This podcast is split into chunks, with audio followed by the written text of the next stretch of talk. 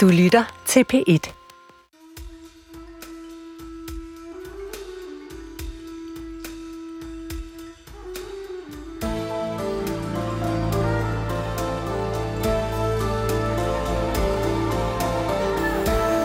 Når vi bare får opfundet den der maskine, der kan suge CO2 ud af atmosfæren, en kur for cancer, og det toilet, der er bæredygtigt og både kan forbrænde affald og generere rent vand, så de alt for mange dødsfald på grund af maveinfektioner og diarré kan begrænses, så er verden på vej mod redning, og vi kan leve videre, som vi gerne vil.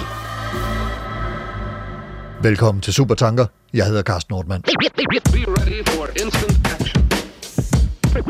Prepared for anything and everything.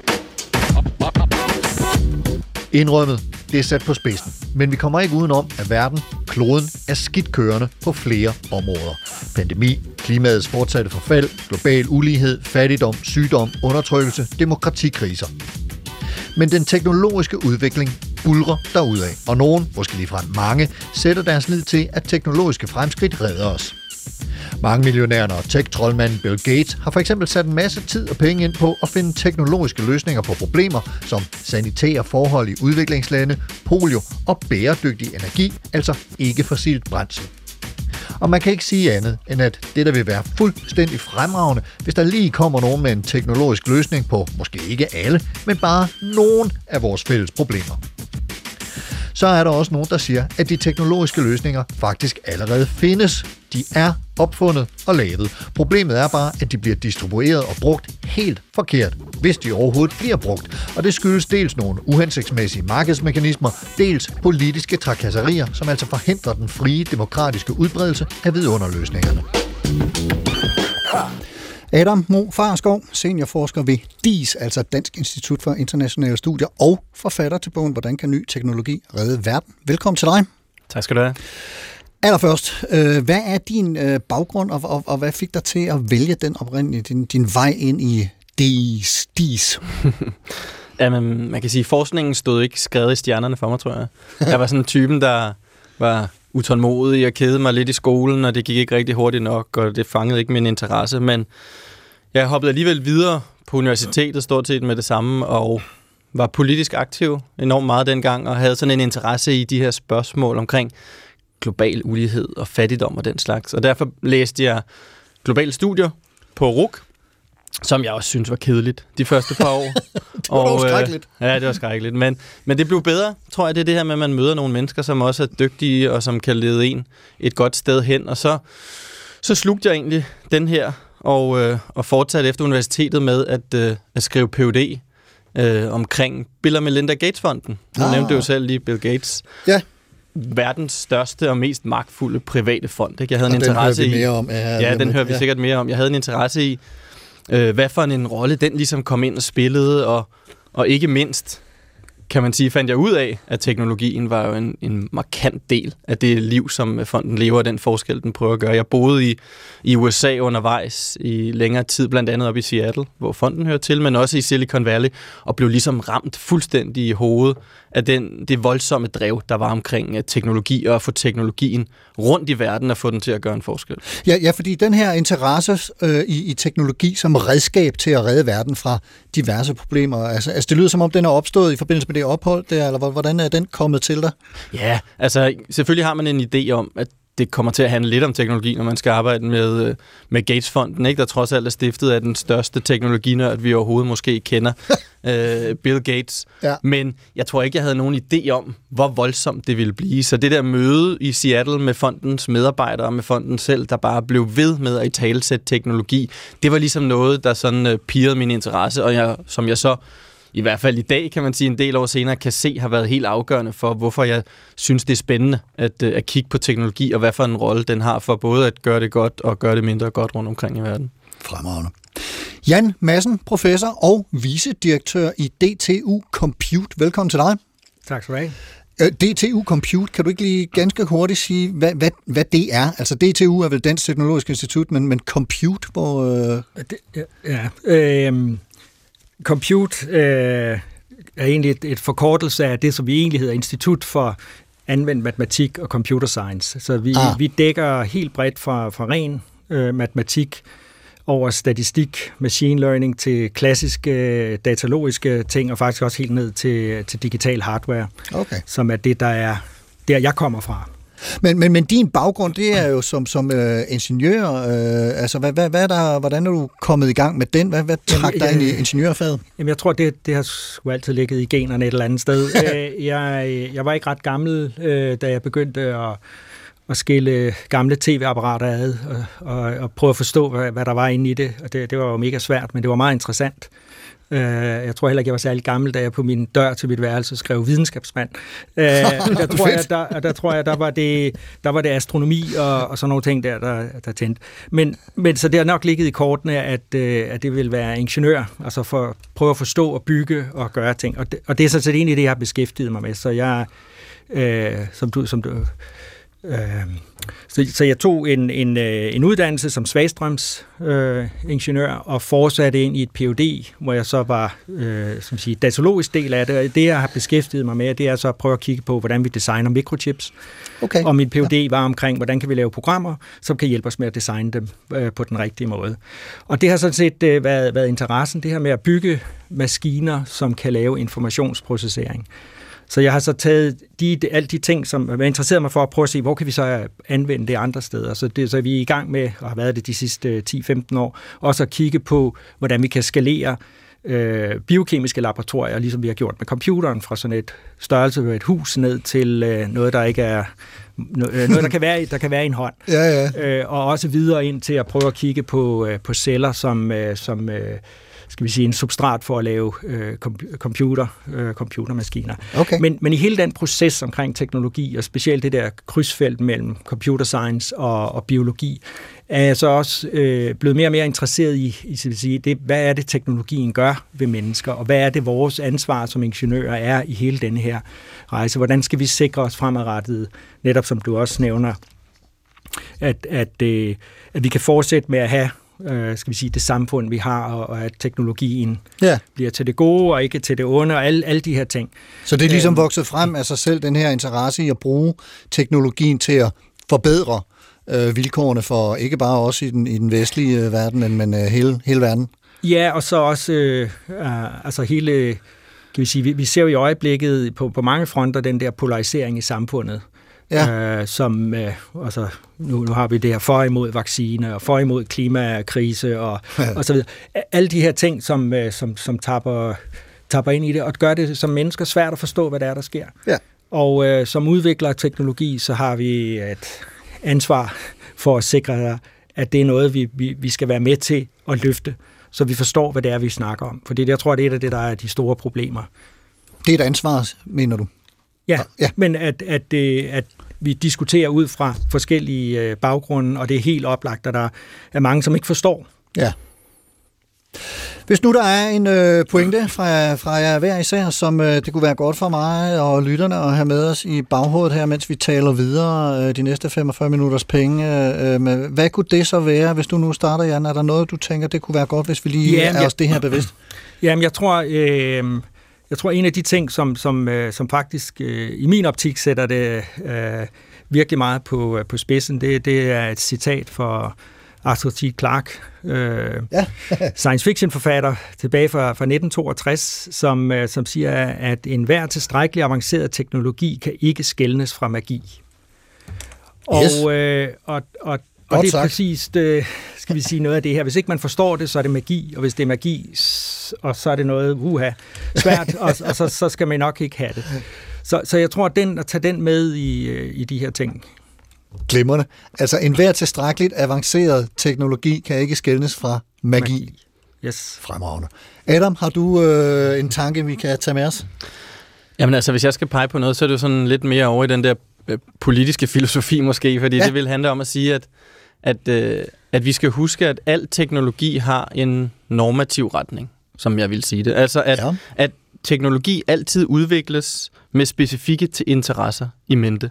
Og det vil ligesom sige, at det er vigtigt for os altid at prøve at åbne op for, og prøve at forstå og forholde os til, hvad er det for nogle interesser? Hvis interesser er det her, og hvad er det for en slags verden, som, specifikke teknologier ligesom forestiller sig, fordi at, at, at det er det, der ligger i, at, at alle teknologier ligesom har en normativ retning. De forestiller sig et eller andet, og tjener også nogle interesser. Fremragende.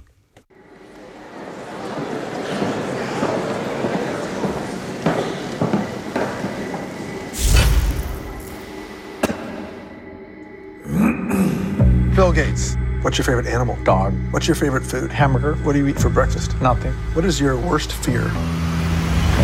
I don't want my brain to stop working. Bill is a multi-processor. He'll be reading something else, but then processing at the same time. In life, you have to decide what's important in the world. I will look at energy, climate change, and disease eradication. It's important that we start deploying solutions unnaturally fast. We are running out of time here. There hasn't been innovation in nuclear energy for 25 years.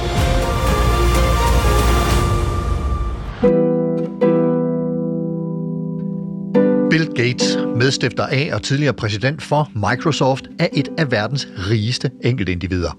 Han er også en velhaver og en hjerne, der blandt andet er initiativtager til og medunderskriver af det såkaldte Giving Pledge, hvor ekstremt velhavende mennesker offentliggør deres intention om at give mindst halvdelen af deres enorme formuer til filantropi, enten mens de lever eller når de dør.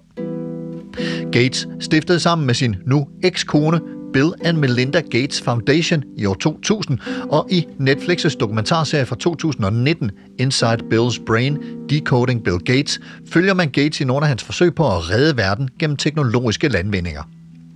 Gates udvikler på tre områder, nemlig et toilet, der skal afhjælpe den store dødelighed af ikke mindst børn under 5 år på grund af diarré i det globale syd, poliovaccine og en ny form for atomenergi, som angiveligt gør op med nogle af de problemer, der historisk har været fremhævet i forbindelse med den energiform, og som altså kan medvirke til at begrænse brugen af fossile brændstoffer.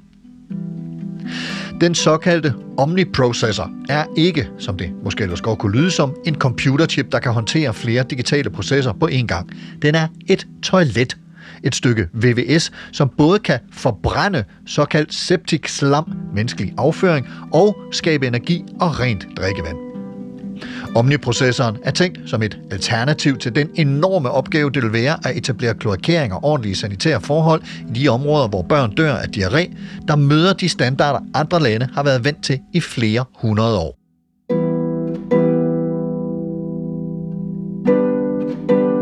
Polio er en sygdom, der har været udryddet i den vestlige verden ved hjælp af vaccine siden 1950'erne. Folk med en vis alder kan formentlig huske lægebesøg, hvor de fik en sukkerknald med vaccinen dryppet på. I dag drypper man den direkte i modtagerens mund. I Gates' tilfælde er bestræbelsen at tage fat i polio i Nigeria, som oplever sygdommen bølge frem og tilbage med jævne mellemrum. Og Gates går til udfordringen med computerprogrammørens tænkning om at indsamle og analysere data for at kunne distribuere vaccinen mest effektivt.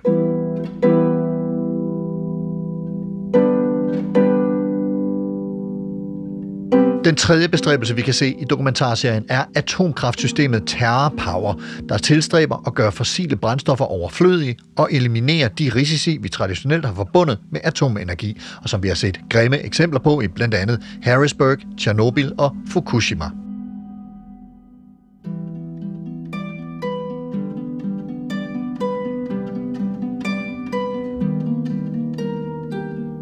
Dokumentarserien Inside Bill's Brain er instrueret af filmmageren Davis Guggenheim, som også stod bag klimafilmen En ubelejlig sandhed med tidligere vicepræsident og præsidentkandidat Al Gore som hovedperson.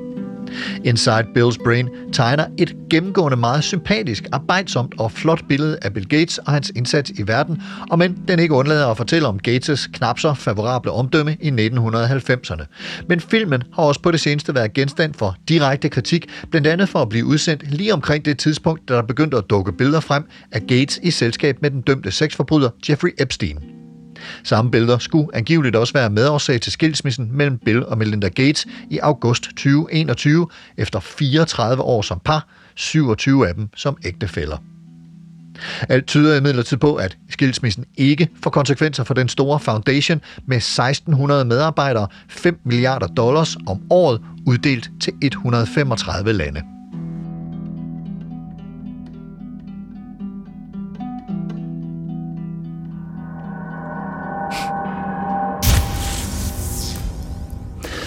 Adam Mo Fejerskov, seniorforsker ved DIS i gamle dage, i citationstegn, der sendte vi øh, landbrugsmaskiner og arbejdskraft til lande, der var i krise og havde brug for hjælp til at komme på fod.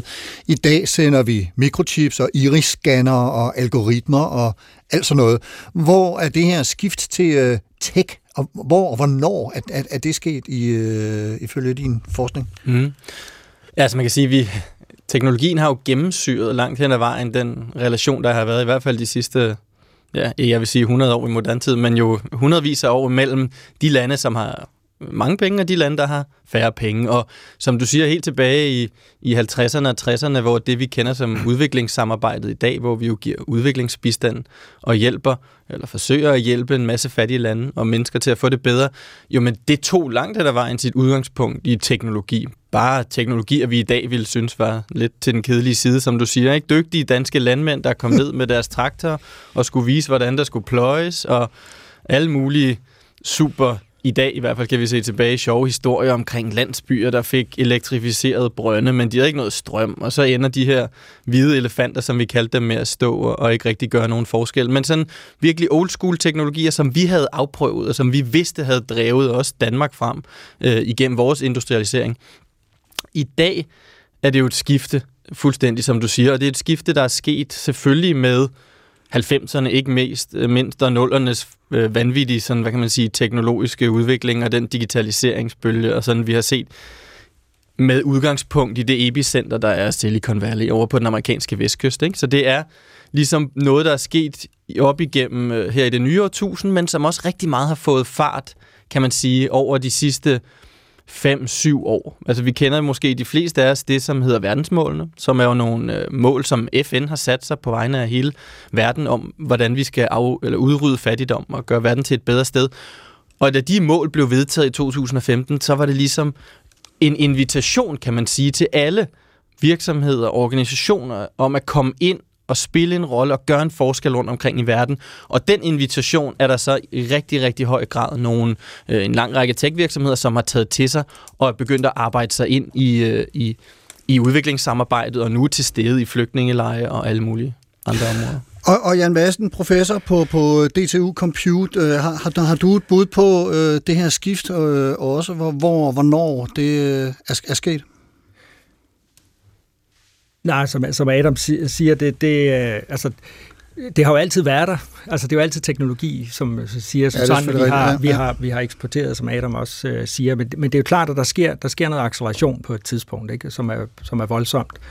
Uh, og, og jeg tror, uh, at altså, der, der er flere ting. Uh, der er flere ting i det her. Uh, dels er det et spørgsmål om, uh, hvordan det er, man hjælper og hvad er det, man, man gør. Så det er selvfølgelig klart at, at lave en elektrisk brønd, hvis ikke der er strøm. Det giver ikke mening, det det men, men det kan jo godt give mening for nogen, fordi man så kan sælge noget. Men, men jeg tror i virkeligheden, at, at øh, noget af det, der går galt, er, at man forstår ikke øh, det, det miljø, man, man, man går ind i tilstrækkeligt. Man forstår ikke, hvordan sammenhængen er der. Altså jeg ved, at, at Grundfos på et tidspunkt, også med, netop med pumpebrønden, lavede noget, og havde også svært ved at få det til at fungere, indtil de fandt ud af at lave et økosystem omkring det. Så der var nogen, der, der ligesom ejede og, og drev brønden og kunne tjene noget på, på det, så du fik sådan egentlig en forretning op at stå, som, som hjalp samfundet. Det, der ellers er sket, også selvom der har været strøm, er jo, at øh, den hurtige gevinst, det er jo at sælge, sælge kåret i ledningerne eller, eller andre ting. Så, så, så man skal tappe ind, og, og man skal have skal vi sige, det samfund, man interagerer med, til at forstå, hvad det er, den her teknologi kan og gør på, på længere sigt, så man, så man faktisk kan, kan se, at det er gode for alle. Og det tror jeg nogle gange har været, været tabt. Men, men når det så er sagt, så er det ikke noget, der, øh, der er unikt for, øh, for udviklingslandene. Det er også det problem, vi har hos os selv i min optik. Men, men, men uh, Adam Mofarskov, uh, det som, som Jan beskriver her, det er jo blandt andet noget af det, du påpeger i, i din bog, uh, Hvordan kan ny teknologi redde verden? Det er det her med, at der ligger nogle, og, og du var også inde på det i, i det, du sagde for et øjeblik siden, altså der er nogle interesser indbygget i at udbrede nogle af de her teknologiske hjælpemidler, som gør, at, at der måske er noget, der skrider en gang imellem. Kan du prøve at, at folde det lidt ud? Hvad er det, der sker? Ja, altså man kan sige, det, som der typisk vil ske, og det sker jo også sket historisk i det her forsøg på at hjælpe, det er, at der opstår sådan nogle øh, mure mellem dem, der gerne vil hjælpe, og dem, der skal hjælpes, så at sige. Ikke? Et, et os og et dem på mange måder. Og det bliver til en vis grad forstærket af teknologien og for forsøgene på at få ny teknologi til at spille en markant rolle, fordi du har at gøre med sofistikerede forskellige typer maskiner eller kredsløb, eller hvad ved jeg, som kræver en enorm høj grad af kompetence og teknisk kompetence for at forstå dem. Og det har så, øh, eller hvad kan man sige, problemet opstår, når, når den, her, den her væg, eller den her mur mellem dem, der skal bruge det, og dem, der opfinder det, den bliver alt for tydelig. Fordi så ender du, som Jan også siger, i et rum, hvor at, at de teknologier, som i virkeligheden skal gøre en forskel et eller andet sted lokalt, jamen de bliver udviklet tusindvis af kilometer derfra, hvor de skal rent faktisk sættes i spil. Og det ender som regel desværre i en situation, hvor at teknologien ikke har den frisættende karakter, som vi jo håber, den kan få, og som vi også ved, at den under de rigtige forhold netop kan få, men at du desværre ender i nogle situationer, hvor at den har den modsatte effekt, at den på en eller anden måde måske er med til at fastholde folk i den situation, de lever i, som ikke er særlig god, eller med til måske endda at forværre den situation. Så et, et punkt er i hvert fald den afstand, der er mellem dem, der udvikler teknologien, og dem, der skal bruge den. Som Jan også rigtig siger, Jamen det kender vi også her hjemmefra. Det gør vi, men det er bare tit med nogle andre forhold, eller nogle andre, hvad kan man sige, nogle, der er nogle andre ting på spil, når det er, sker, sker for eksempel i en flygtningelejr, eller et andet sted, hvor du har at gøre med sårbare befolkninger eller sårbare mennesker. Jeg læste et sted for relativt nylig, at, at øh, nogle af de der skrækkelige øh, scenarier, vi har fået beskrevet fra Myanmar med folkedrab osv., osv., øh, blandt andet i virkeligheden har været kommunikeret sådan rimelig øh, ivrigt på, på de lokale Facebook-fora, øh, men fordi at øh, Facebooks algoritmer ikke forstår det lokale sprog, så er der ikke nogen, der ligesom har kunnet opsnappe det og, og været i stand til at, at gribe ind. Så der er simpelthen øh, et, et meget, for mig så i hvert fald, tydeligt eksempel på den der distance, som gør, at at øh, den her fris, det her frisættende eller redningspotentiale måske ikke øh, bliver, bliver implementeret. Hvad skal der til for dig at se, for at øh, vi kan råde bod på nogle af de øh, fejltrin, om man så må sige? Ja, man kan sige, det, som jeg tror, det første og fremmest handler om, det er at, at ligesom forholde sig til det her og forstå, at det er teknologi, men det handler også om rigtig mange andre ting end teknologi. Og det handler ikke kun om de teknologiske eller tekniske kompetencer. Det, jeg ligesom prøver at sige ofte, det er, at der er behov for en demokratisering af den måde, vi udvikler teknologi på, og af den måde, vi bruger teknologien på. Og hvad betyder demokratisering her så? Jo, men det betyder jo, at dem, der sidder og udvikler teknologien, ikke kan gøre det tusindvis af kilometer væk. Som Jan selv sagde, styrken kan for eksempel findes ved, at man forstår, at enhver teknologi vil komme ind lokalt og spænde ind i et økosystem. Så der vil være alle mulige typer mennesker, der bruger den. Der vil være organisationer, der forholder sig til den. Der vil også være dygtige lokale ingeniører, som man vil kunne bruge. Så en demokratisering handler i virkeligheden om at sige, kan vi åbne den sorte boks op, som lidt for ofte er det, teknologiudviklingen ender med at ligne. Altså at den foregår og bliver udviklet et sted tusindvis af kilometer væk, og så skal holde sig til nogle mennesker i en helt anden kontekst, hvor den naturligt nok vil have nogle andre konsekvenser. Fordi det er jo også det, vi ved med teknologien. At vi kan kun se 5% af, hvad for en effekt den har på os. Vi kan kun se, det kan godt være, at vi synes, vi forstår 99% af, hvordan den virker, og nogle ingeniører vil nok sige, at vi kun forstår 70% af, hvad den, hvordan den virker. Det får du men, lov til at svare på det. Der, men, men i virkeligheden, så, så handler det jo også om, at, at, at vi ikke forstår konsekvenserne. Vi kan ikke simpelthen se dem, før de udfolder sig over tid. Ja, øh, Madsen, øh, Adams øh, sigte her er jo i, i, i nogen udstrækning øh, politisk, eller øh, hvad skal man sige, praktisk, øh, i en grad, som handler om, hvordan får vi distribueret og udbredt det her. Det lyder lidt som om, at de teknologier, der er behov for, de rent faktisk er opfundet, og, og at de kan egentlig det, de skal kunne, men der er nogle, nogle der sker nogle fejl i, øh, i måden, de bliver anvendt. Vil du som øh, øh datalog og civilingeniør øh, sige, at øh, vi er sådan set der, hvor vi skal være, og øh, alt kører, eller, eller er der stadigvæk øh, potentiale for forbedring i, i de her teknologier? Jamen, jeg tror, at det er en ting, vi, øh, vi ofte hører, at teknologierne er udviklet, vi behøver ikke nyt, vi har det, vi skal bare lære at bruge det. Præcis. Det sidste er, det er rigtigt, vi skal lære at bruge det, det kan vi blive bedre til. Men, men teknologierne flytter sig hele tiden, ja. øh, og, og det vil de blive ved med. Og, øh, og vi får løst øh, øh, forskellige ting, som øh, enten på andre måder, øh, eller, eller noget helt nyt, en ny måde at kigge på tingene på. Så, så jeg tror, øh, i virkeligheden er det, det, der, det, det, der er behov for, det er, at vi alle tænker på det som et system. Altså, vi skal have en systemisk tilgang til, øh, til tingene. Øhm, når, når, øh, når vi kigger på et eller andet, der mangler rent vand, så, så, er, så er problemet veldefineret. Og hvis du kun tænker teknologi, så kan du godt finde en løsning til det. Øh, men, men hvis ikke du forstår den kontekst, og det er også det, som Adam øh, snakker om, den kontekst, der er i, og prøve at forstå, hvad det er, der sker, og at det system, du laver det i, måske ikke ser ud som det system, du normalt laver tingene i og er klar til. Så det er ikke, teknologien er ikke et quick fix. Og det kan godt være, at der så er en, en eksisterende teknologi, der kan løse det her problem, men man skal have hele konteksten med. Så det, det er nødvendigt at tænke øh, systemisk på det.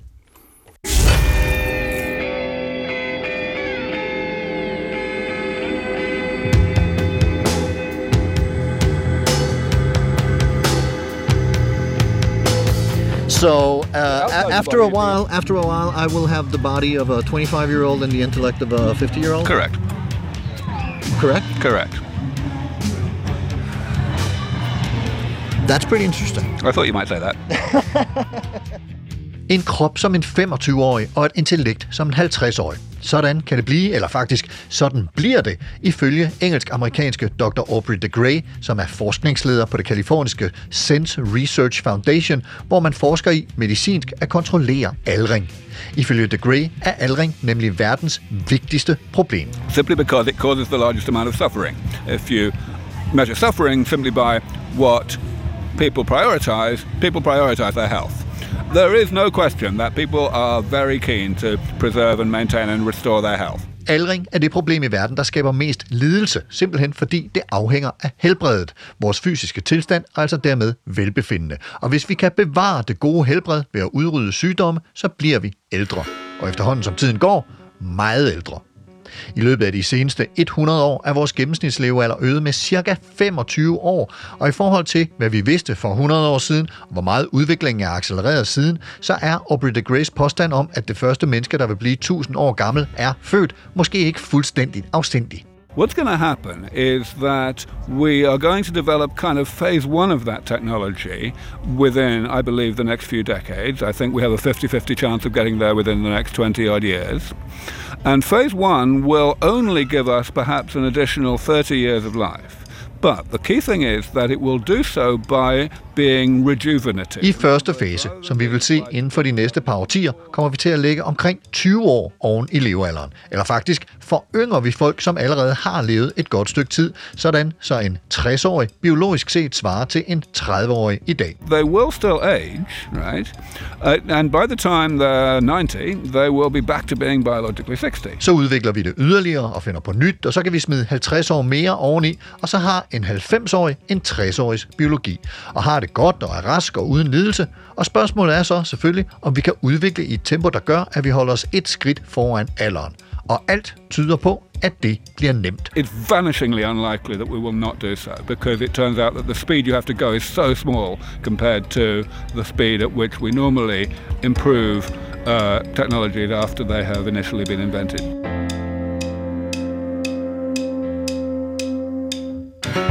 Og det lidt paradoxale er, at det handler ikke om, at vi for alt i verden vil være ældre og leve længere, men mere om, at vi ikke vil være syge. What we're interested in is not getting sick. And it just so happens that what you tend to die of is being sick. Nu fjerner vi så det, som flest dør af, nemlig diverse sygdomme, og så er det en sideeffekt, at vi bliver ældre. We'll only be left with being hit by trucks or the planet being hit by an asteroid and so on. But still, it's a side effect. The, the, the motivation is to stay healthy, and that is a very uncontroversial motivation. Den primære motivation er at bevare det gode helbred, og det, mener Aubrey de Grey, er fuldstændig ukontroversielt.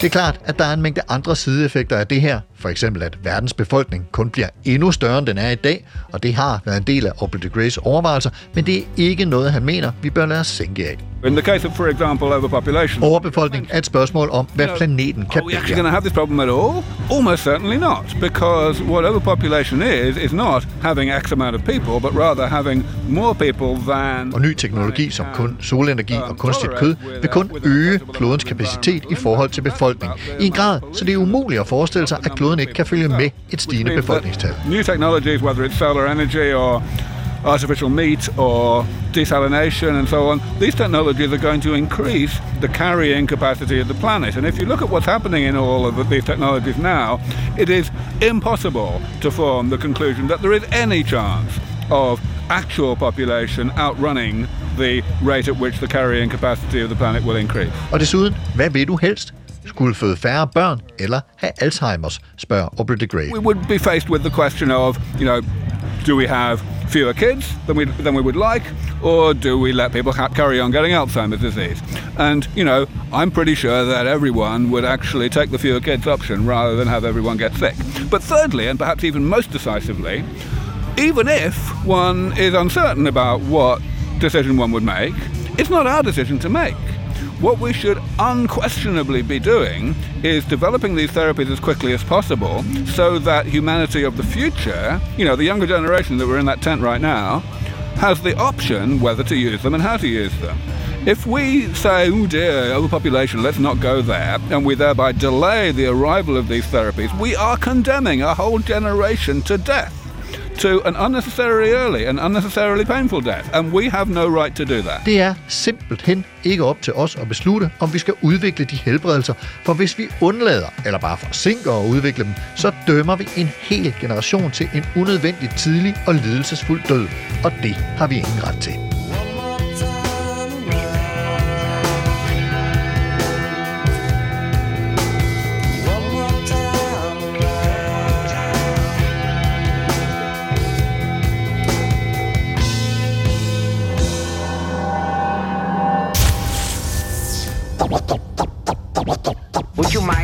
Doing that again?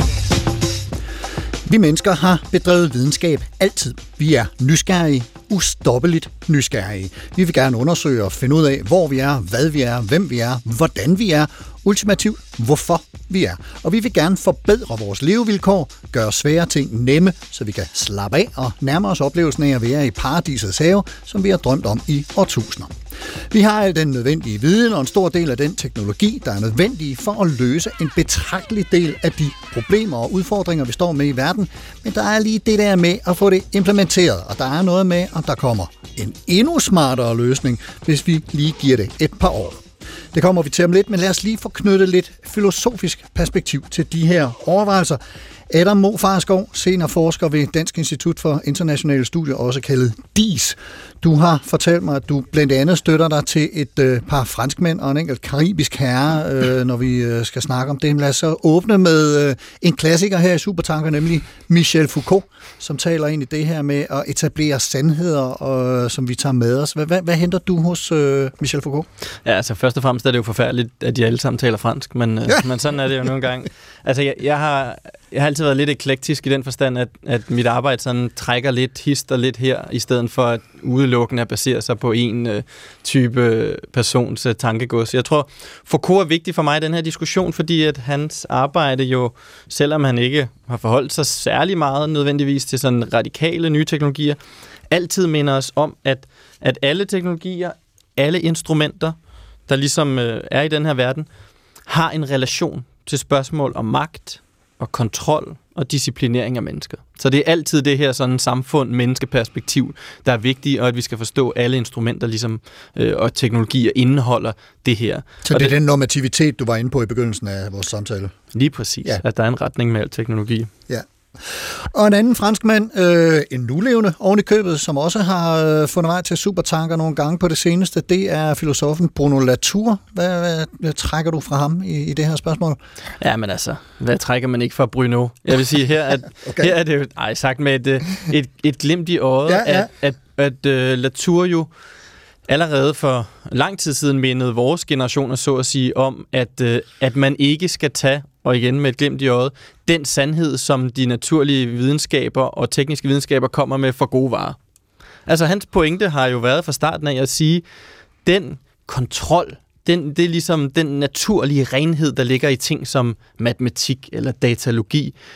Det er et skuespil. Og det er et skuespil, vi bliver nødt til at åbne op for at forstå, hvordan det bliver spillet. Så, så det, jeg tager fra Latour, er jo en, en undersøgende tilgang, der er interesseret i at sige, de her spørgsmål omkring teknologien, hvordan den bliver lavet, netop algoritmernes matematiske renhed, hvordan er det, den bliver skabt, og hvordan er det, den bliver konstrueret, fordi det er det, den bliver. Den er ikke en naturgiven på nogen måde. Og så øh, endelig har du også øh, refereret til en Frans Fanon, eller Ibrahim Fanon, som han hed, da han døde. Han levede fra 1925 til 61 og var fra øen Martinique, som øh, rent faktisk stadigvæk regnes for fransk, kan jeg se, når jeg lige øh, undersøger det. Men altså Fanon, hvad, hvad er hans øh, input i det her? Jamen altså, man kan sige, hvis de to første handlede om at, om at, øh, at forstå og have en tilgang til de her ting, der er undersøgende og kritisk, så er Fanon jo udtrykket for også at tilgå dem med en politisk vinkel. Altså fordi at hans, hele hans filosofiske virke, så at sige, fra hans øh, deltagelse i, i 2. verdenskrig, kæmpede imod nazismen på fransk side, for senere at tilslutte sig den algeriske befrielseskrig, øh, jo men handlede om, ligesom for ham at sige, i hans forfatterskaber, hvordan kan vi sætte det globale syd fri? Hvordan kan vi nå ind i en stærkere postkolonial, øh, hvad kan man sige, forhold, end, end vi er nu?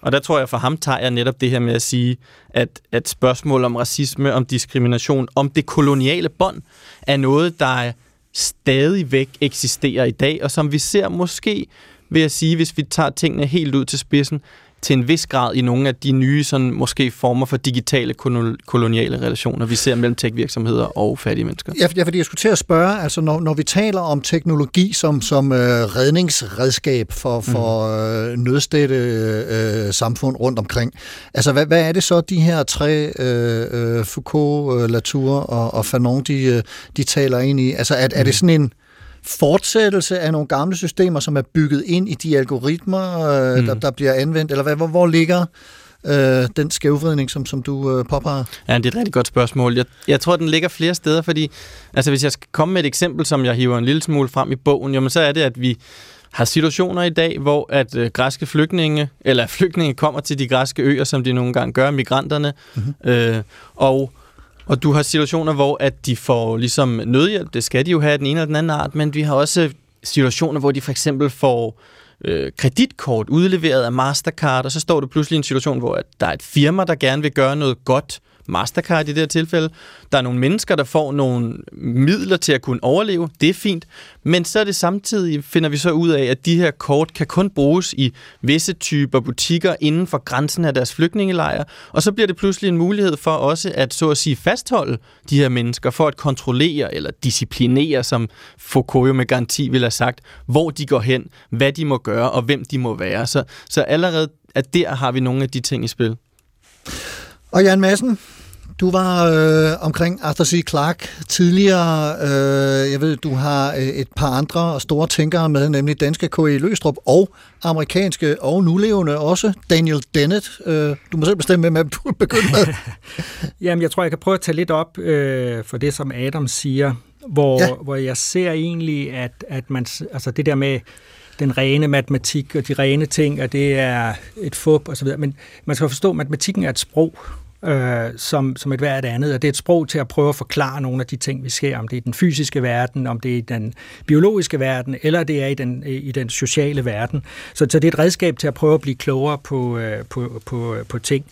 Og så, så er det selvfølgelig klart, at der er rigtig meget omkring magt, og hvem bestemmer, og hvorfor gør man noget, som er ligesom meget fokus på hvordan man bruger teknologien, men måske også dermed, hvad det er for øh, teknologier, man gerne vil have, for at kunne bruge dem på den måde. Altså hvem det er, der taler det her sprog, matematik? Ja, ja.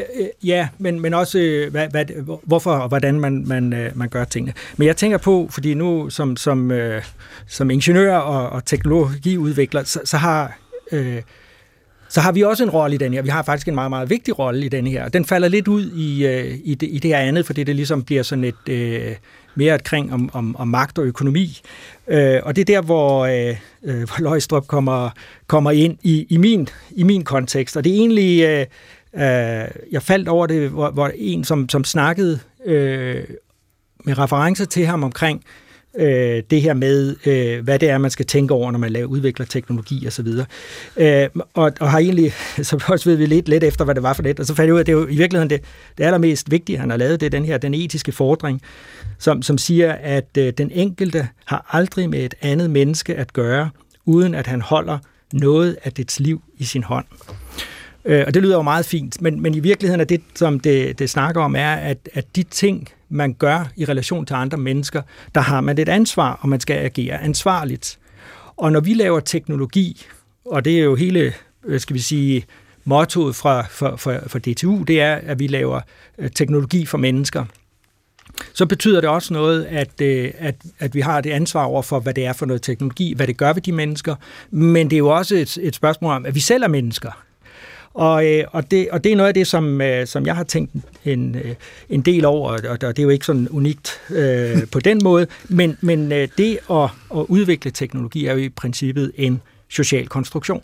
Så det er der, vi holder de andre menneskers liv så, i vores hånd? Så, så, så det er der, og, og uanset om vi har, vi, vi snakker meget om, at, at videnskab og alt det her er objektivt, hmm. øh, og, at det, og at det er derfor, og det er også derfor, man nogle gange som teknolog kan fraskrive sig et ansvar og sige, jeg, jeg gør jo bare det her, så får I teknologien, og så er det nogle andre, der bestemmer. Hvis man bruger det til det dårlige, så er det de andres. Det er Aubrey de Grey's argumentation. Det er der, hans ja. argumentation. Ikke? Men man har et ansvar selv, når man går ind af, af den vej. Og det tror jeg er rigtig, rigtig vigtigt. Og det, det er, er i hvert fald, hvis man for, prøver at tolke den etiske fordring i, i sådan en, øh, en teknologisk kontekst, så giver det øh, sindssygt meget øh, mening. Ja, det må man sige. Og, og det betyder så også, at når jeg laver noget, så er, så er det ikke kun det menneske, jeg laver det til, jeg skal tænke på.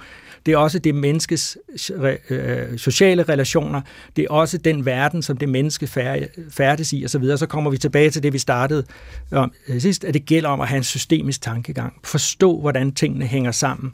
Og jeg tror i stor udstrækning, at de problemstillinger, vi har i dag med klimakrise, er jo netop fordi, vi har misset at gøre det. Vi har ikke forstået, langt til, tilbage, at vi ikke bare kunne trække ressourcerne, øh, de ikke var uendelige, at der var nogle sideeffekter og nogle konsekvenser af det.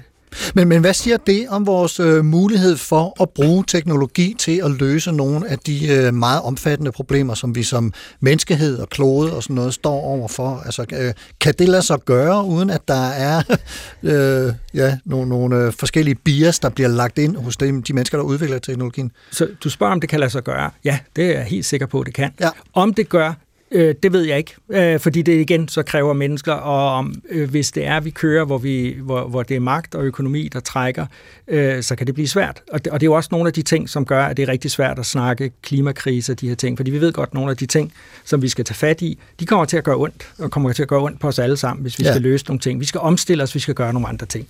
Og vi håber jo et eller andet sted, at der kommer en eller anden fantastisk teknologi, som, som, som lige løser det, Bare lige så vi, det. så vi ja. kan fortsætte vores behagelige liv, og dem, Præcis. der ikke har så behageligt liv, får et behageligt liv. Ikke? Ja. Øh, så nemt er det nok ikke. Desværre. Øh, nej. Vi skal lige nå at have Daniel Dennett med, fordi øh, jeg ved, ham ja. øh, har ja. du trukket på os. Ja, og, og, og det er jo, altså, dels har han, altså, han er filosof, og han er også øh, øh, teknologi, teknolog. Han har arbejdet også med, med computer science osv., så han har en ret øh, stærk forståelse af tingene. Og i virkeligheden er noget af det, han, han arbejder med, det, det er, at det er evolutionen, der driver alting. ting. Evolutionen er en sindssyg øh, stærk drivkraft og algoritme for at, at lave øh, innovation og, og, og, og forandringer. Øhm, og, og, øh, og det er lidt interessant også i, i alt det her, vi, øh, vi snakker om. Hvor meget kan vi styre, når Aubrey de, øh, Aubrey de Grey snakker om at, og, og ændre på, øh, på tingene. Øhm, så er der, og det er vi nogle gange, vores selvopfattelse er, at vi ligesom er, øh, skal vi sige, endestationen i udviklingen. Øh, men hvis man kigger på det, der har sket som evolution, så, så har det jo altid været, altså, ting ændrer sig. Øh, ja. og det, det, der på et givet tidspunkt er der, er med til at hjælpe til den næste. Øh, og det er nogle af de tanker, øh, han har øh, også omkring den, øh, den effekt. Hvis vi sætter det ud af spil... Øh, evolutionen? Evolutionen. Okay, fordi hvis ja. ikke vi dør... Øh, så har du heller ikke... Altså, der er en, der er en mening med, med døden et eller andet sted til at drive hele det her værk. Øh, Um, og, og, og så kan man blive meget filosofisk omkring, ja, det er, hvad, hvad, endelig, hvad, er mening, afsted, afsted. hvad er meningen med, med livet og så videre. Ikke? Men, men, øh, men, men der er nogle... Øh, jeg vil sige sådan, øh, evolution som, som algoritme bliver også brugt, det bruger vi også til at udvikle øh, for eksempel computer og løse problemer, komplekse problemer, så, og det er en enormt stærk måde at gøre det på. Men hver eneste gang, man går ind i sådan en algoritme og prøver at styre den, gå ind og sige, jeg ved godt, hvor løsningen er, for den søger sådan en løsning. Den laver det på samme måde, som evolutionen er, laver en population, som, øh, som man laver øh, krydsrelationer imellem, så for prøver at skal vi sige, evoluere frem nogle, øh, nogle bedre løsninger, og så kører man en masse generationer. Så man kan lave simuleret evolution. Og det er enormt stærkt til at løse øh, rigtig mange øh, problemer med. Men når man tror, man har den rigtige løsning og forsøger at guide den til den rigtige, så fanger man aldrig den, øh, den øh, eller i hvert fald meget sjældent den, den rigtige løsning. Og det er Så- så denne, et vi, vi system- øh, tænker med her. det, det, det, det er et system, der er, kører i sin egen balance, øh, og, det, og det er det, som vi på mange måder er, er ved at tappe ind i med teknologi.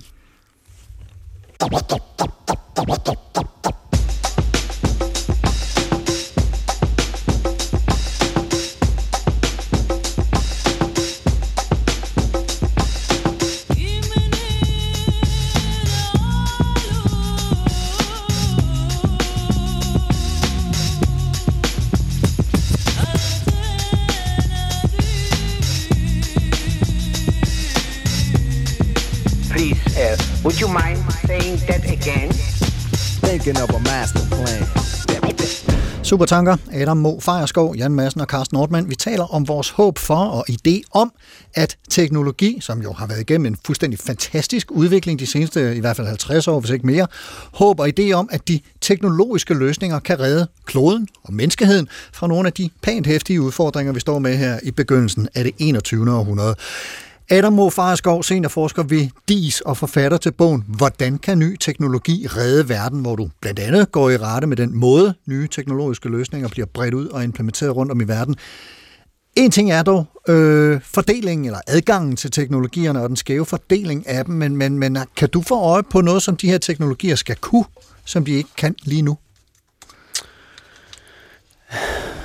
Ja, det er et godt spørgsmål. Altså, jeg, for mig at se, og det er, jo, det, er jo, det er jo det kedelige svar, så at sige, ikke? Men, men jeg, vil jo, jeg vil jo trække den der tilbage og sige, at det er ikke et teknisk spørgsmål. Okay, Altså, at, ja. øh, at øh, for, min, for mit øh, udgangspunkt, så at sige, så handler det jo om at sige, at, at løsningerne på de her udfordringer, som kommer af teknologien, ja, klart, men som også udspringer af alle mulige andre slemme ting, som du selv har nævnt, der sker ud omkring i verden. Mm. Jo, men den, den findes ikke i teknologien selv. Og nu kan det måske være lidt, lidt groft at sige, men specielt i USA er der jo rigtig, rigtig, rigtig mange dygtige ingeniører, der sidder og arbejder på i stigende grad, hvad kan vi gøre for, at algoritmerne de bliver mindre biased, som du selv siger. For Ja. de er mindre skæve, de ikke ligesom straffer mennesker, der har en anden hudfarve, eller en anden seksuel orientering, eller hvad ved jeg.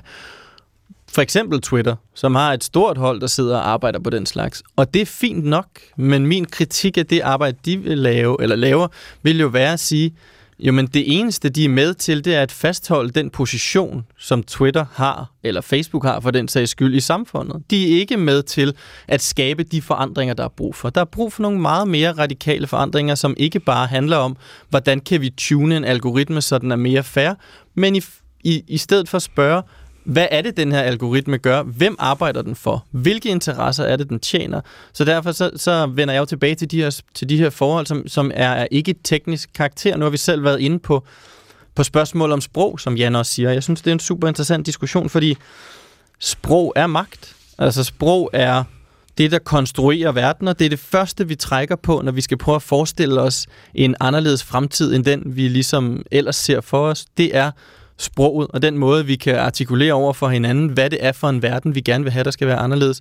Men vi ser også bare, at den måde, sprog bliver brugt på, desværre i teknologispørgsmålene, lige nu er enormt ekskluderende. Det vil sige, det er også en måde at bygge de her vægge mellem dem, der kan være med, og dem, der ikke kan være med, og derfor tror jeg, at det mere er et spørgsmål om at demokratisere den, ikke bare samtale, der er udenom teknologi, men den samtale, der er inde i teknologien. Og, og, og vi taler altså blandt andet ud fra, at der er lande, hvor, hvor øh, internet er synonymt med Facebook. Altså hvis man åbner for internettet et eller andet givet sted, så er det Facebook, og det er der al øh, ens øh, internetlige, om man så må sige, øh, information kommer igennem. Er det ikke rigtigt forstået? Jo, fuldstændig. Altså nu nævnte du selv Myanmar som et eksempel, hvor vi jo ved, at der er masser af undersøgelser, der viser, at langt størstedelen af befolkningen ligesom sætter lighedstegn mellem Facebook og internettet. Så det er Ja. klart, har du en mulighed for at gå ind og redigere eller lave ballade på Facebook, jo, men så er det jo en helt digital virkelighed, du går ind og laver ballade på. Og at, altså, andre steder, hvor jeg arbejder, der er det jo også sådan, så hvis du får en mobiltelefon, så er der ofte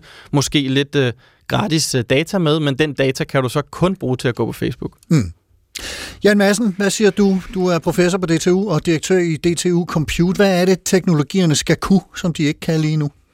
Ja, jeg, jeg tror, øh, interessant nok, så er jeg meget øh, enig med, med Adam i. Ja. Det, det er ikke teknologierne som sådan, vi skal. Det, det, er, det er vores brug af dem, og det er øh, at få den her diskussion om, hvad de kan og gøre forståelse. Så til, tilbage igen i det der Arthur Clark øh, øh, citat. Og, med magien og der. der. Og, Med magien. Og der ja. er sproget, så vi skal, vi skal fjerne noget af magien ikke fordi magi kan også være fint, men, men, øh, men vi skal have løftet, og, og det er noget af det, som vi som optager os meget på, øh, på, på DTU, at øh, hvordan kan vi bidrage til, øh, til hele denne her øh, transformation, der skal, der skal til øh, for at gøre det. Og der, der Ej, arbejder vi... ja, det har vi sådan set, så vi, vi arbejder ud fra en, en idé øh, om, at den digitale transformation og i det hele taget med teknologierne bliver nødt til at tage sit udgangspunkt, ikke i transformationen, men i teknologien. Så vi bliver nødt til som, som ingeniører øh, at at være med til at hjælpe folk med at forstå, hvad de her teknologier er, og hvad de kan, og hvad de ikke kan. Så det, det kalder vi så uh, Tech for Siv, uh, som, som en strategi, vi arbejder med. Men, men, men ideen er her at gå ud og tage fat, og det har vi haft meget, meget stor succes med. Så vi har været med ministerier og styrelser og prøver op at, at løfte embedsfolk til at forstå teknologi. Vi har øh, været, været ude i, i verden, så vi har gjort det i, i Brasilien for Brasilien, brasilianske embedsfolk, og, øh, og vi øh, har øh, gjort det også i et tvær... Øh, disciplinært øh, konsortie af, af 10 lande, der arbejder med at drive øh, innovation i det offentlige på tværs af landene for at løse de helt store klimaproblemer. Så, så vi gør rigtig meget ved at prøve at tale den agenda ind og få folk til at forstå, hvad det er. Og det har vi en, en kæmpe forpligtelse til, når vi udvikler det her, også at gøre folk klædt på til at kunne forstå det, så vi netop får en demokratisk proces, så vi netop får en inklusion af, at alle kan være med til at tale øh, de her ting. Supertanker er i land om et par minutter, men vi skal lige nå at høre et par anbefalinger fra jer to til, hvor lytterne kan gå hen, hvis de vil undersøge nogle af de her tanker nærmere. Og jeg bemærkede, Adam, at du vist lige øh, smed en finger i vejret for et øjeblik siden. Jeg ved ikke, om det var med et supplement til noget af det, øh, Jan han fortalte, eller om vi bare skal gå til, til øh, din anbefaling. Jamen altså, jeg kan jo vikle det lidt ind i hinanden, så at sige. Ja. Fordi den anbefaling, jeg har med, er en, øh, er en bog, der desværre kun findes på engelsk lige nu, men som hedder Ghost Work, spøgelsesarbejde, som er skrevet af Mary Gray og Siddharth Sudi, som er en antropolog og en datalog.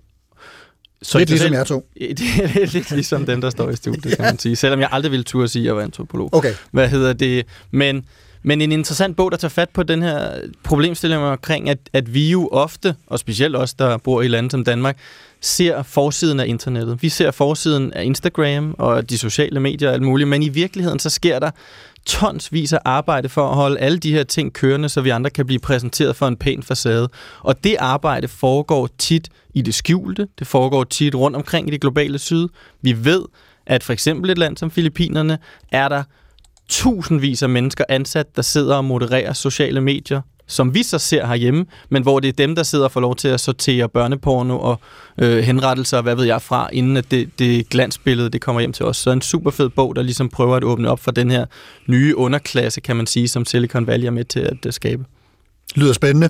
Jan, du har en håndfuld øh, med, det er ikke sikkert, om dem alle sammen, men Nej, øh, start fra en ende af. Så, så lad mig starte med en, som, øh, som kigger på teknologien. Så det er den, der hedder Det uundgåelige 12 teknologiske drivkræfter, som ja. skaber fremtiden af Kevin Kelly. Så han er co-founder af det her Wired Magazine, og har, ah. er virkelig øh, stor tænker inden for, for, for de her ting, også om, hvad teknologien gør, og, og hvad det øh, betyder for os. Så det er den ene ting. Den anden ting, jeg egentlig gerne vil ind i, og det er noget, vi ikke rigtig har snakket om, men det er det der omkring det der systemiske, om at tingene hænger sammen, og alt i princippet er natur. Så det der med at definere teknologi som noget, der ikke er en del af naturen, øh, er sådan set egentlig lidt meningsløst. Men der er en ret fantastisk bog, der hedder Building the Future of Innovation on Millions of Years of Natural Intelligence.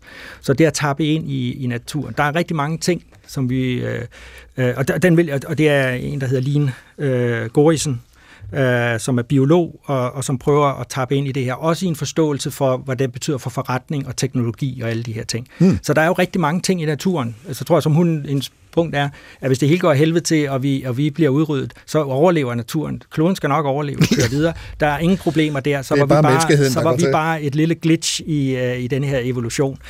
Ja. Uh, men den er, den er rigtig god at få forståelse af, også, til, også at forstå, hvad det er, teknologi gør, når vi sætter det ind, hvor vi måske disconnecter nogle af de cirkulære ting, der går ind i hinanden, og derfor opnår vi noget andet end det, vi egentlig ønsker at opnå.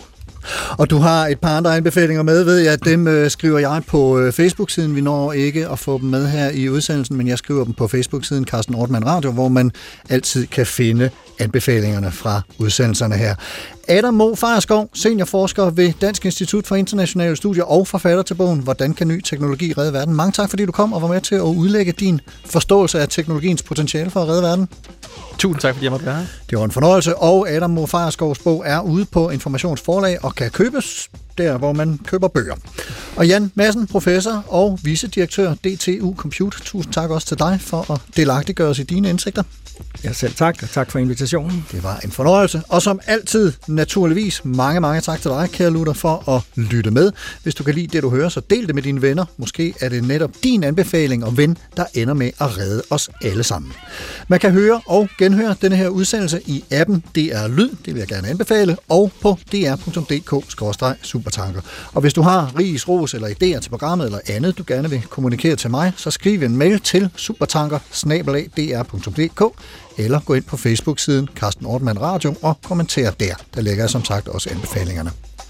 Programmet i dag var tilrettelagt af mig. Jeg hedder Carsten Ortmann. Programansvarlig er Gustav Lytsøft. Ha' en rigtig god uge og på genhør.